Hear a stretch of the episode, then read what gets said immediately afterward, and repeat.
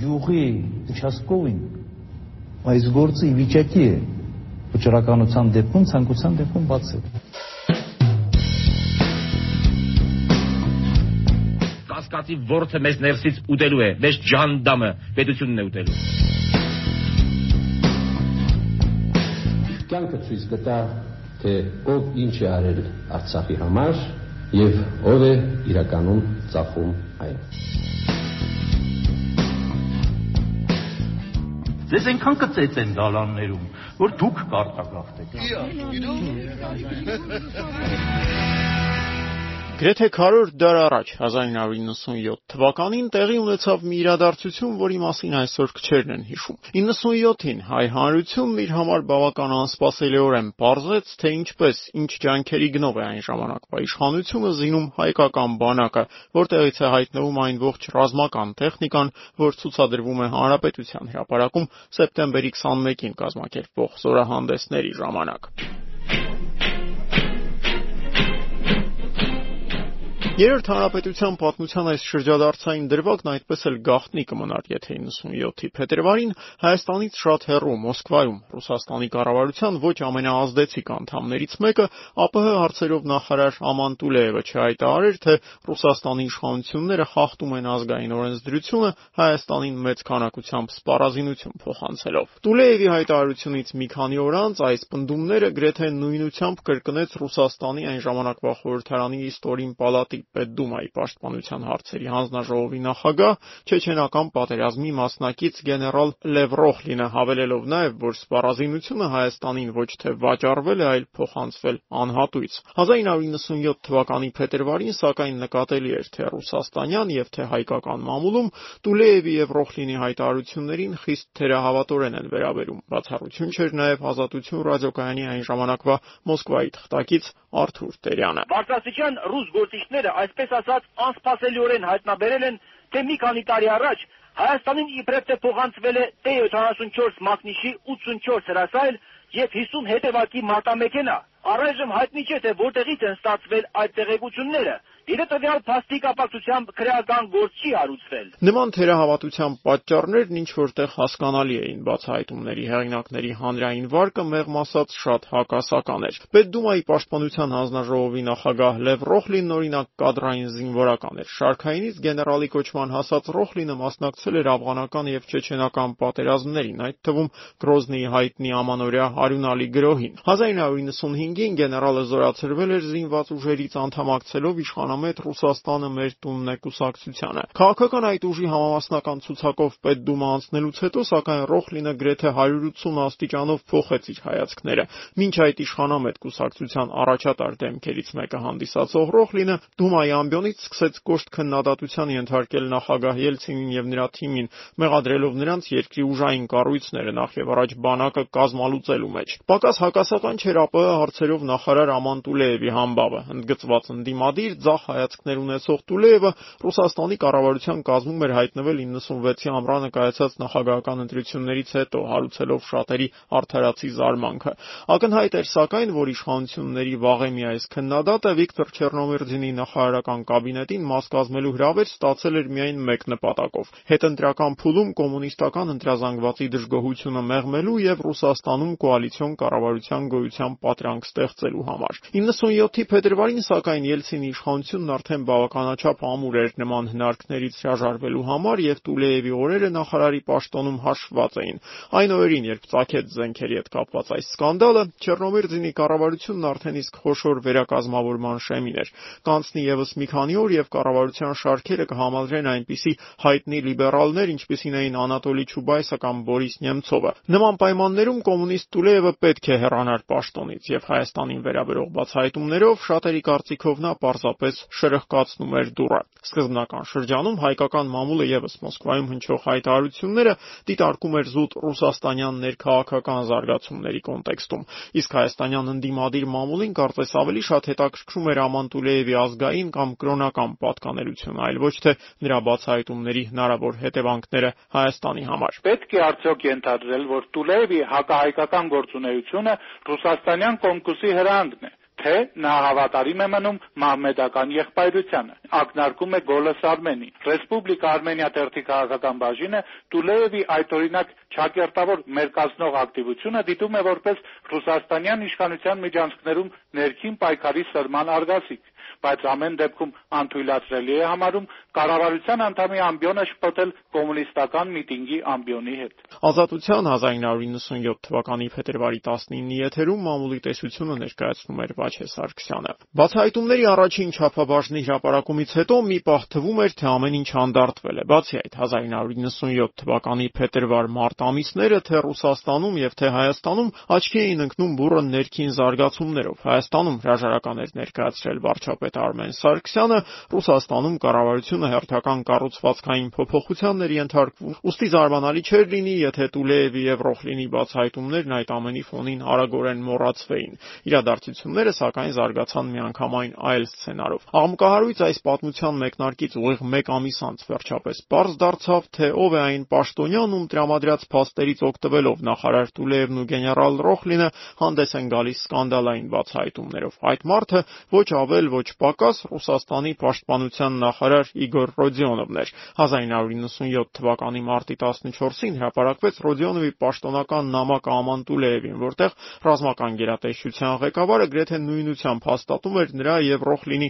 ավելի վաղ հնչեցրած մեղադրանքները։ Հաշված ժամերի ընթացքում կառավարության վերակազմավորման մասին լուրերը ռուսական մամուլում մղվեցին երկրորդ պլան։ Այժմ բոլորը ցանկանում էին հասկանալ, արդյոք Ռուսաստանը Հայաստանին անվճար զենք մատակարարում է, թե ոչ։ Այսօր NTV-ի նորությունների կես գիշերային թողարկման զգալի մասը նվիրված էր գնալով ավելի բռնկվող այդ սկանդալին։ Հերոստասյուժեում իրենց մեկնաբանություններով մասնավորապես հանդես եկան Պետդումայի պատգամավորներ Գալինա Ստարովոյտովան եւ Միխայիլ Սուրկովը, ինչպես նաեւ Ռուսաստանում Հայաստանի ու Ադրբեջանի դեսպանները։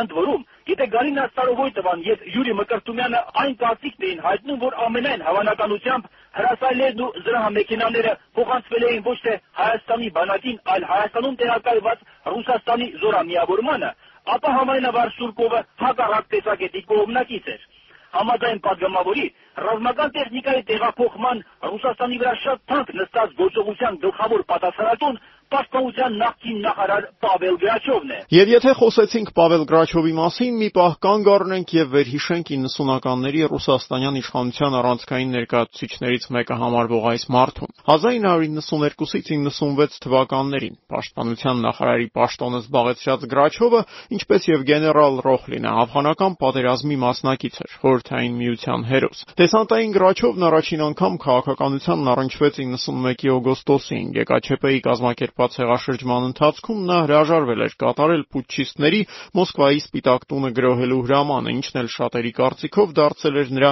հետագա վերելքի գլխավոր պատճառներից մեկը։ 1993-ին նախագահ Ելցինի եւ Գերագույն խորհրդի հակամարտության ժամանակ Կրաչովն արդեն առանց որևէ առարկության կատարում էր իշխանությունների հրամանը, տանկերից գնդակոծելով այն նույն Սպիտակ տունը, որ դրանից 2 տարի առաջ հրաժարվել էր գրոհել։ Հետագայում Կրաչովը դարձավ նաև չեչենական առաջին պատերազմի նախաձեռնողներից եւ հակահերոսներից մեկը, պատերազմ, որն ավարտվեց Ռուսաստանի ծանր պարտությամբ։ Գրաչովը պաշտոնանկ արվեց 96-ի ամռանը, սակայն նրա թիմակիցներից շատերը շարունակում էին առանցքային պաշտոններ զբաղեցնել երկրի ռազմական գերատեսչությունում։ Եվ ինչը թերևս պակաս կարևոր չէր, Գրաչովի քաղաքական ժառանգությունը տեսանելի եւ զգալի էր ոչ միայն Ռուսաստանում, այլև հետխորհրդային ողջ տարածքում՝ Մերձնեստրից Տաջիկստան։ Ղարաբաղը եւս բացառություն չէր։ Պավել Գրաչովն էր, որ 94-ի մայիսին Մոսկվայում Հայաստանի, Լեռնային Ղարաբաղի եւ Ադրբեջանի պաշտպանության նախարարների հետ բանակցությունների ընթացքում կարողացավ հասնել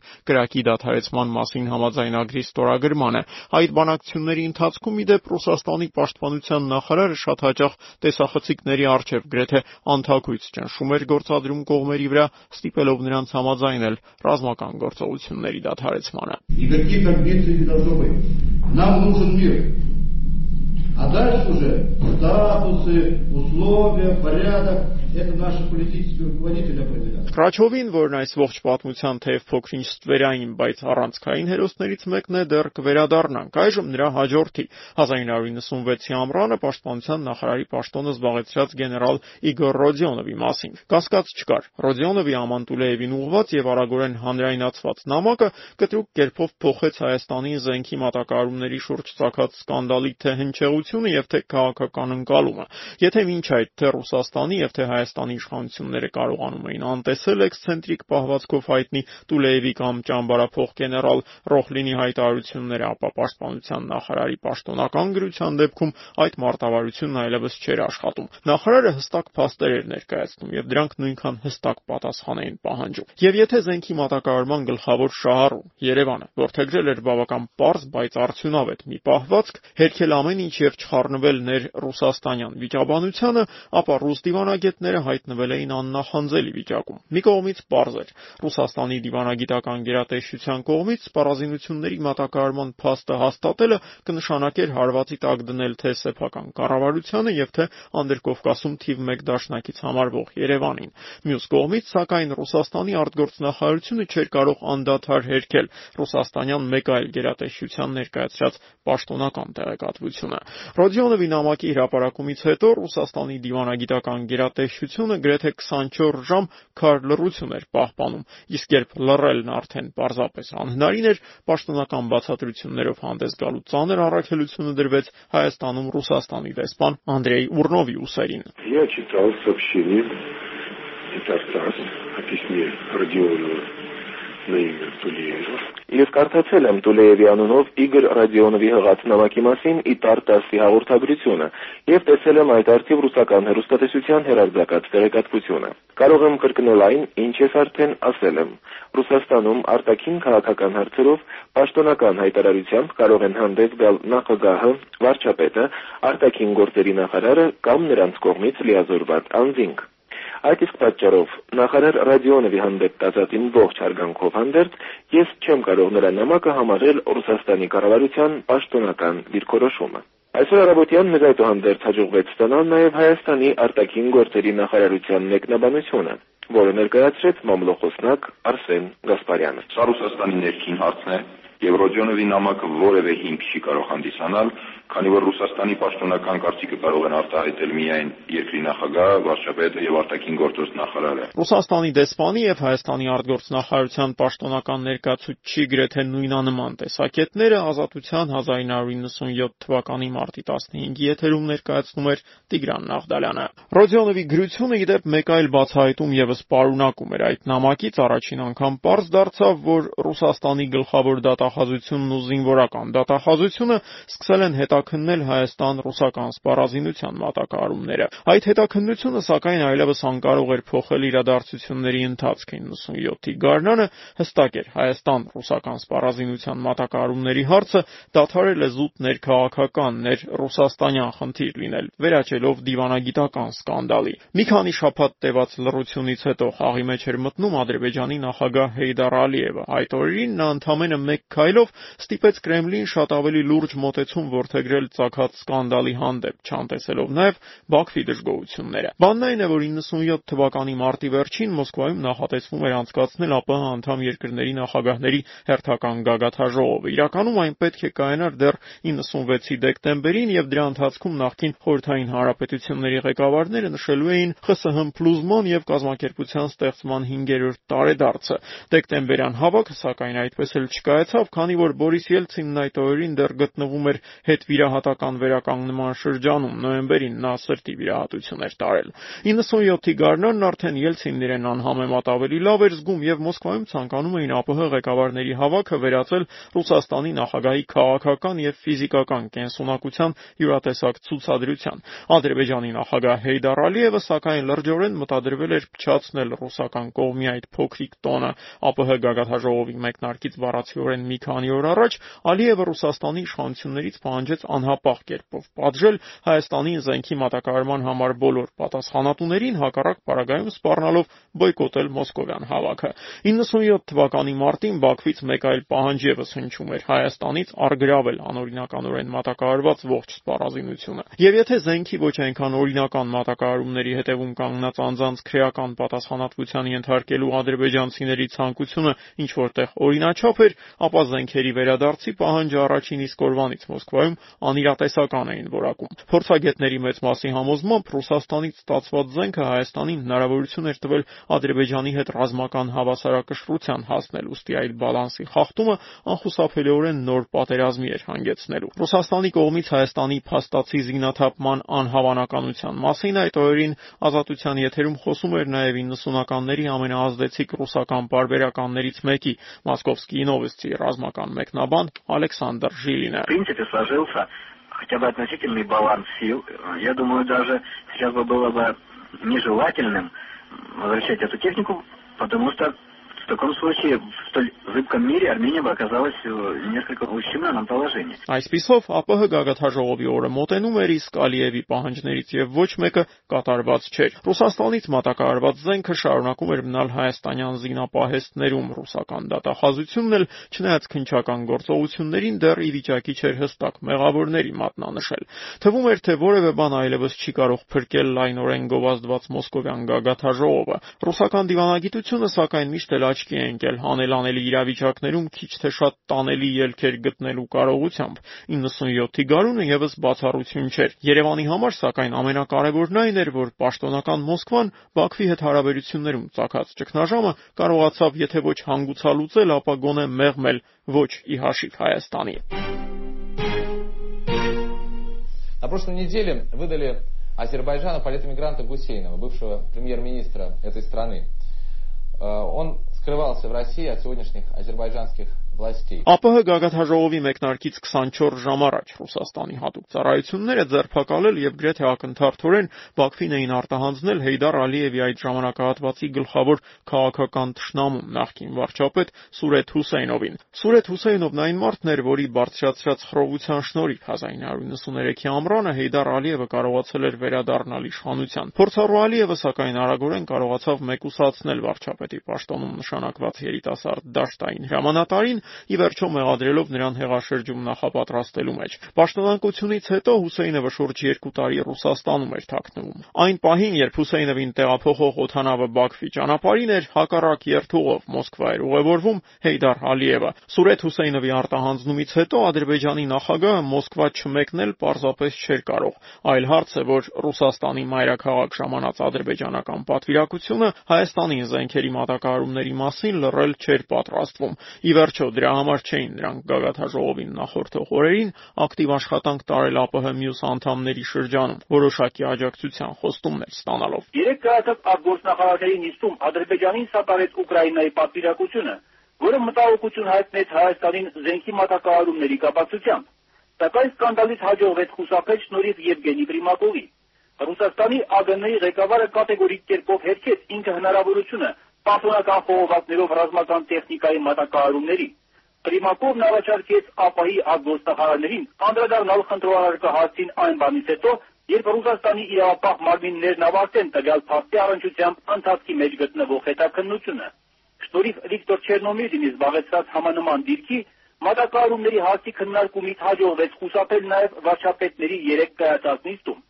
Նշենք, որ արտգործնախարարների խորհուրդը միաձայն որոշում էր ընդունել չառաջարկելու զենքի մատակարարումների հարցը նախագահների խորհրդի քննարկմանը ըստ ԱՊՀ-ի գործադիր քարտուղար Իվան Կորոչենյայի Ադրբեջանն ընդունում է, որ ոչ Ռուսաստանի նախագահը, ոչ էլ վարչապետը Հայաստանին զենք տրամադրելու վերաբերյալ պաշտոնական որոշում չեն ընդունել, ուստի խոսքը առանձին անձերի ինքնուրույն գործողությունների մասին է։ ԱՊՀ հավաքից եւ դրա ընթացքում Չեռնոմիրդինի եւ Պրիմակովի կոշտ հակազդեցությունից հետո թվում էր, թե սկանդալն աստիճանաբար մարելու է։ Գուցե ամիսներ անց դատախազությունը ոչ շատ բարձրաստիճան մի քանի զինվորականների մեղադրանք առաջադրի, որից հետո սկիզբ առած երկարատև դատավարությունն ի վերջո մոռացության կմատնի այս ողջ սկանդալը։ Ռուսաստանի ինչ որտեղ նաև Հայաստանի իշխանությունների տեսանկյունից եթե ոչ իդեալական, ապա գոնե ընդունելի այս սցենարը սակայն կրկին խափանեց Պետդումայի պաշտպանության հարցերի հանձնաժողովի նախագահ Լև Ռոխլինը։ ԱՊՀ գագաթաժողովից մի քանի օր անց ապրիլի 2-ին Դումայում կայացած լսումների ժամանակ նա այնպիսի փաստեր ներկայացրեց,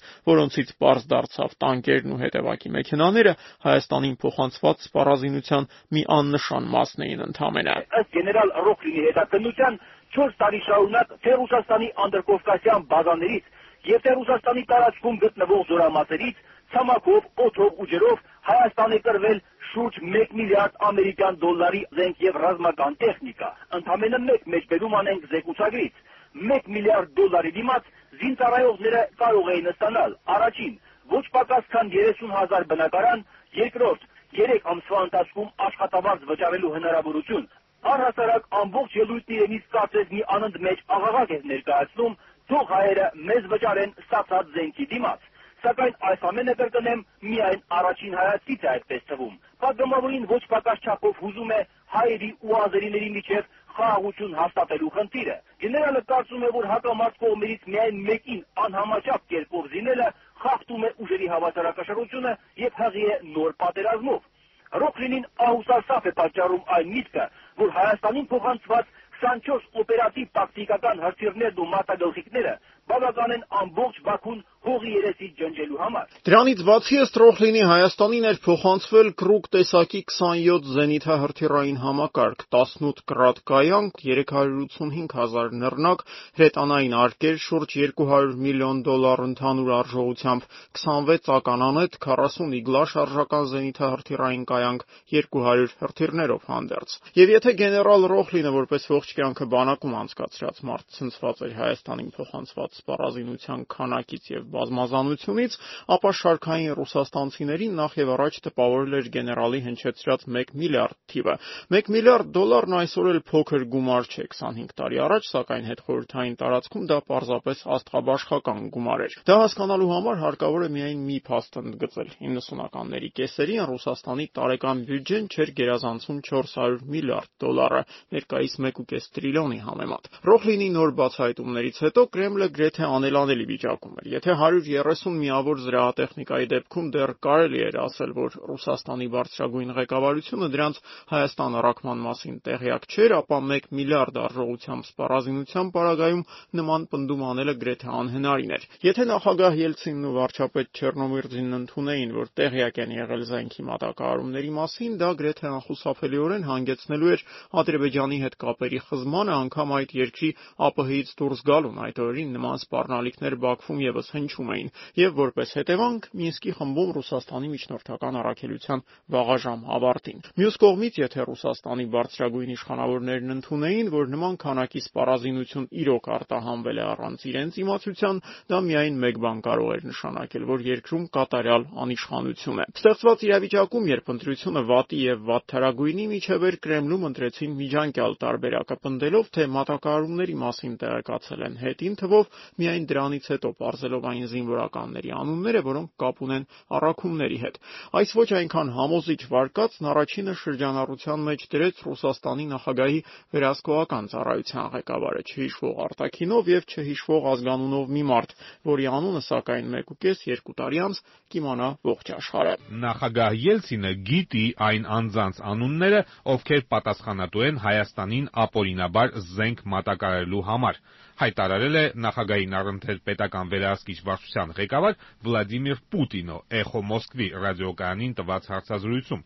Նա ավելացրել է, որ պաշտպանության նախկին նախարար Պավել Գրաչովը Հայաստանին ապօրինաբար զենք մատակարարելու անմիջական հրահանգներ չի տվել։ Միևնույն ժամանակ Պուտինը հայտնել է, որ Պաշտպանության նախարարության համակարգում վերջերս տեղի ունեցած կադրային փոփոխությունները կապ չունեն Հայաստանին զենք մատակարարելու հետ։ Ռուսաստանի նախագահի վերահսկողական ծառայության պետ Վլադիմիր Պուտինի հայտարարությունները Ազատության 1997 թվականի ապրիլի 15-ի եթերում իմ եր բերել Արմեն Դուլյանը։ Կարելի է իդեպ համոզված պնդել, որ սա Ռուսաստանի ապագա նախագահի մասին առաջին հիշատակումն էր Ազատության հայկական ծառայության եթերում։ Եվ մինչ Կրեմլում հուսահատ վարկածներ էին հորինում փորձելով համոզել, թե Բորիս Ելցինը որևէ կապ չունի զենքերի առաքման հետ, գեներալ Ռոխլինը զգում էր եկել է իր աստեղային ժամը։ 90-ականների վերջին Ռուսաստանի լրատվամիջոցները շատ ավելի ազատ էին, քան այսօր եւ մոսկովյան հեռուստաընկերությունների համար իշխանությունների նման կոշտ քննադատին իրենց եթեր հրավիրել այն ժամանակ խնդիր չէր։ Ռոխլինը չէր իջնում մասնավոր հեռուստաընկերությունների էկրաններից հաճույքով պատմելով,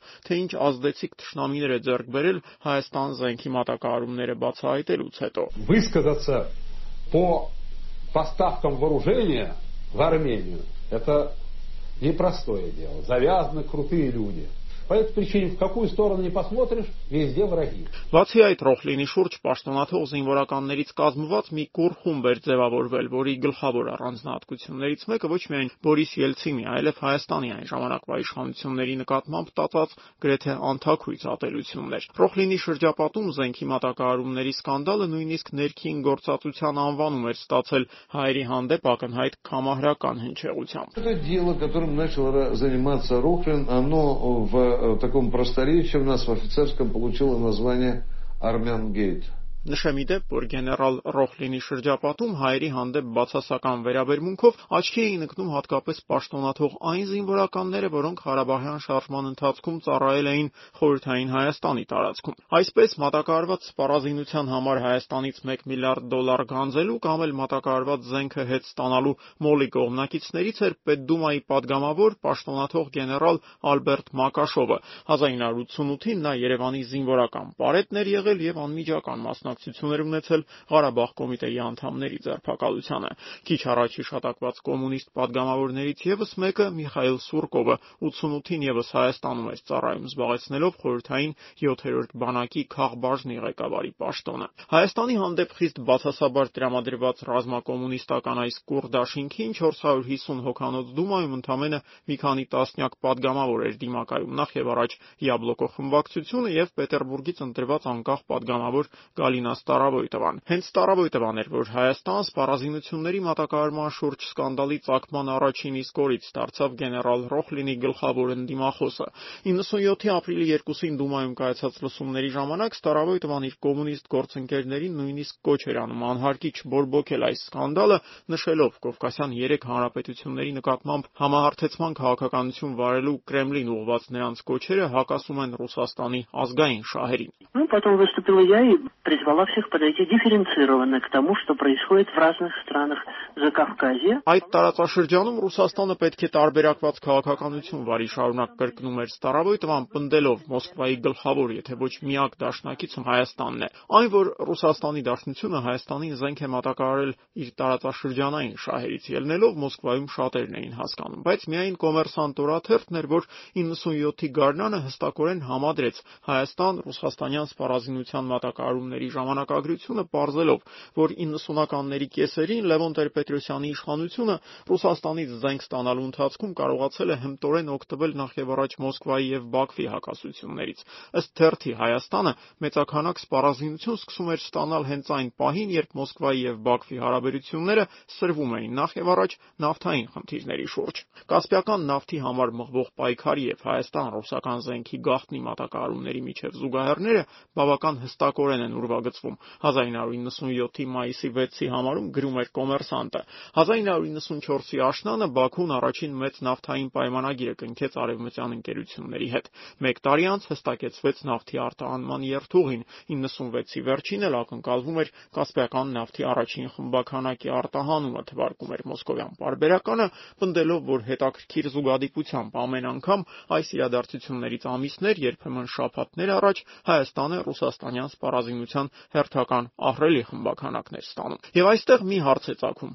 ինչպես էր զենքի եւ զինամթերքի մատակարարումն իրականացվում տեխնիկական եւ լոգիստիկ տեսանկյունից։ Ոմանք Մոսկվայում պնդում էին, թե զենքի մատակարարումներն ուղակի բնույթ են կրել, ոմանց համոզմամբ էլ առաքումներն այսպես ասած երկաստիճան տեսք ունեին։ Սպառազինությունը նախ հասցվում էր Հայաստանում գտնվող ռուսական ռազմակայան, ապա նոր փոխանցվում հայկական կողմին։ Բնական է, որ 97-ին որևէ մեկն այդ գաղտնի տեղեկությունների վերաբերյալ չէր համարցակվի պաշտոնական բացատրություն տալ։ Նկարագրվող իրադարձություններից շուրջ 20 տարի անց, սակայն համացանցում մի տեսանյութ հայտնվեց, որից արդեն պարզ դարձավ, թե ինչպես էր ռուսական սպառազինությունը հասնում Հայաստան։ Այդ տեսանյութում, որ նստամենայինի արվել է 1996-ի ամռանը, պաշտպանության նախարար Վազգեն Սարգսյանը նախագահ Լևոն Տեր-Պետրոսյանի եւ մի շարք հայտնի մտավորականների ներկայությամբ մանրամասնորեն ներկայացնում է ռուսական զենքի մատակարարման մեխանիզմը։ Այսօր դժվար է անգամ պատկերացնել, բայց 90-ականների կեսերին ռուսական զենքը Հայաստան հիմնականում մուտք էր գործում Վրաստանի տարածքով։ Նախ Խաշուրի քաղաքից շարասյուններով հասնելով Գյումրիի ռուսական ռազմակայան։ Այդ լեննականում եղած դիվիզիան, այդ պորտալարը Խաշուրից վերելային 905 գյուղական զինավարներ։ Այդ նույն տեսանյութում Վազգեն Սարգսյանն անկեղծորեն նշում էր. ռուսական սպառազինության նման մեծ քանակության մատակարարումը հնարավոր դարձավ միայն մեկ բանի շնորհիվ, որի տարբերություն, ասենք, Ադրբեջանի Հայաստանը 1992-ին չպնդեց, որ ռուսական զորքերն ամբողջությամբ դուրս բերվեն երկրի տարածքից։ Նախագահ Տեր-Պետրոսյանն ըստ Վազգեն Սարգսյանի 1992-ին անձամբ էր խնդրել Ռուսաստանի պաշտպանության նախարար Պավել Գրաչովին Հայաստանից զորքերն ամբողջությամբ դուրս չբերել կանխատեսելով, որ շատ շուտով մեր երկրում տեղակայված ռուսական ռազմակայանը կարող է ճակատագրական դեր խաղալ հատկապես կռվող բանակը զենքով ապահովելու հարցում։ Ճիշտ որոշում ունեցեց։ Պորտալարը մնաց։ Այդ պորտալարը տեսով ինչ էր այսօր վերում է, վերում է, վերում է։ Այն ինչ որ մենք ստացել ենք 93 թվականին սովետական զորքերից 96 թվականին այդ ամեն ինչը երապատկվել է։ Միան պատկերատիվն ասեմ, եղել այն 120 դարվա էսի։ Սա սա տարի դուք ծածկել։ Դարվա 300 տարի։ Մենք Ադրբեջանը շատ բան տանես։ 97-ի ամռանն արդեն հստակ էր։ Հայկական բանակի զինվածության նման մակարդակը գոնե տեսանելի ապագայում անհնարին է դարձնում Ադրբեջանի կողմից հարցի ռազմական լուծման ցանկացած փորձ։ Ռուսաստանի վրա Բաքվի գործադրած դիվանագիտական ճնշումը եւս որևէ էական արդյունքի չհանգեցրեց։ 97-ի ամռանը Բաքվից Մոսկվային սկսել էին այլ ուղերձներ հղել, անընդհատ ընդգծելով Ռուսաստանի հետ հարաբերությունների կարևորությունը։ Դիվանագիտական այդ հաջողախոսությունների հիմնական հեղինակներից մեկը Մոսկվայում Ադրբեջանի դեսպան, մասնագիտությամբ քիմիկոս եւ ծնունդով նախիջևանցի Ռամիզ Ռիզաևն էր։ Азербайджан Россию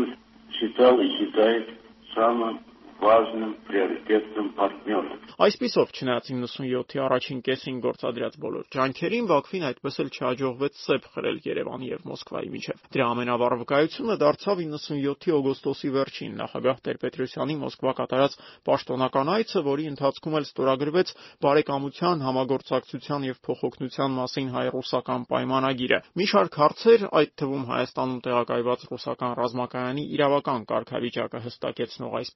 պայմանագիրն ըստ Բորիս Ելցինի Մոսկվայի եւ Երևանի միանշանին միանգամայն նոր որակ էր հաղորդում։ Он закрепил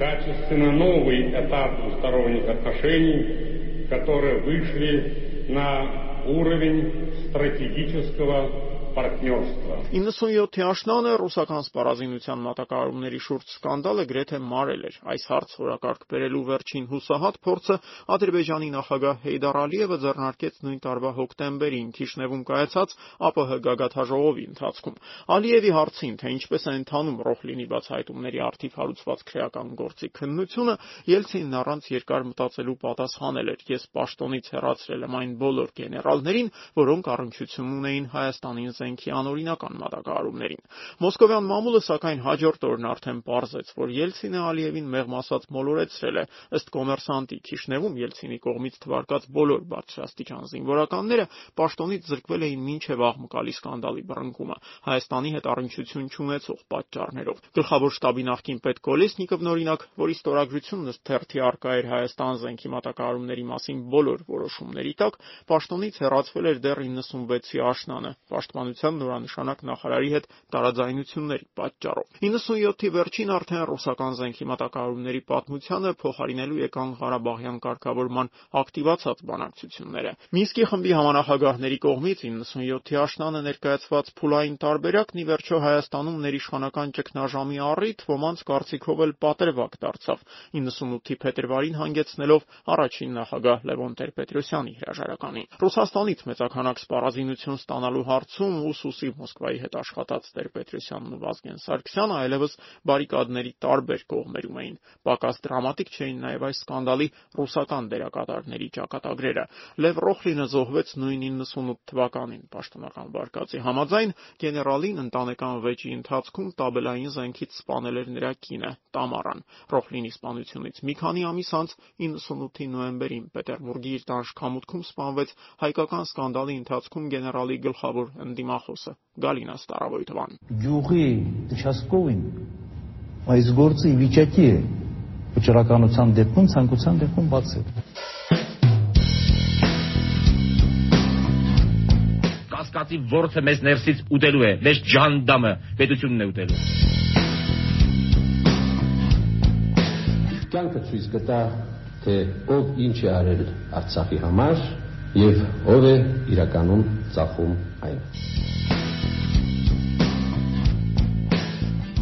Ձեզ այնքան կծեց են դալաններում, որ դուք կարտագաղթեք։ Իա, իրոք։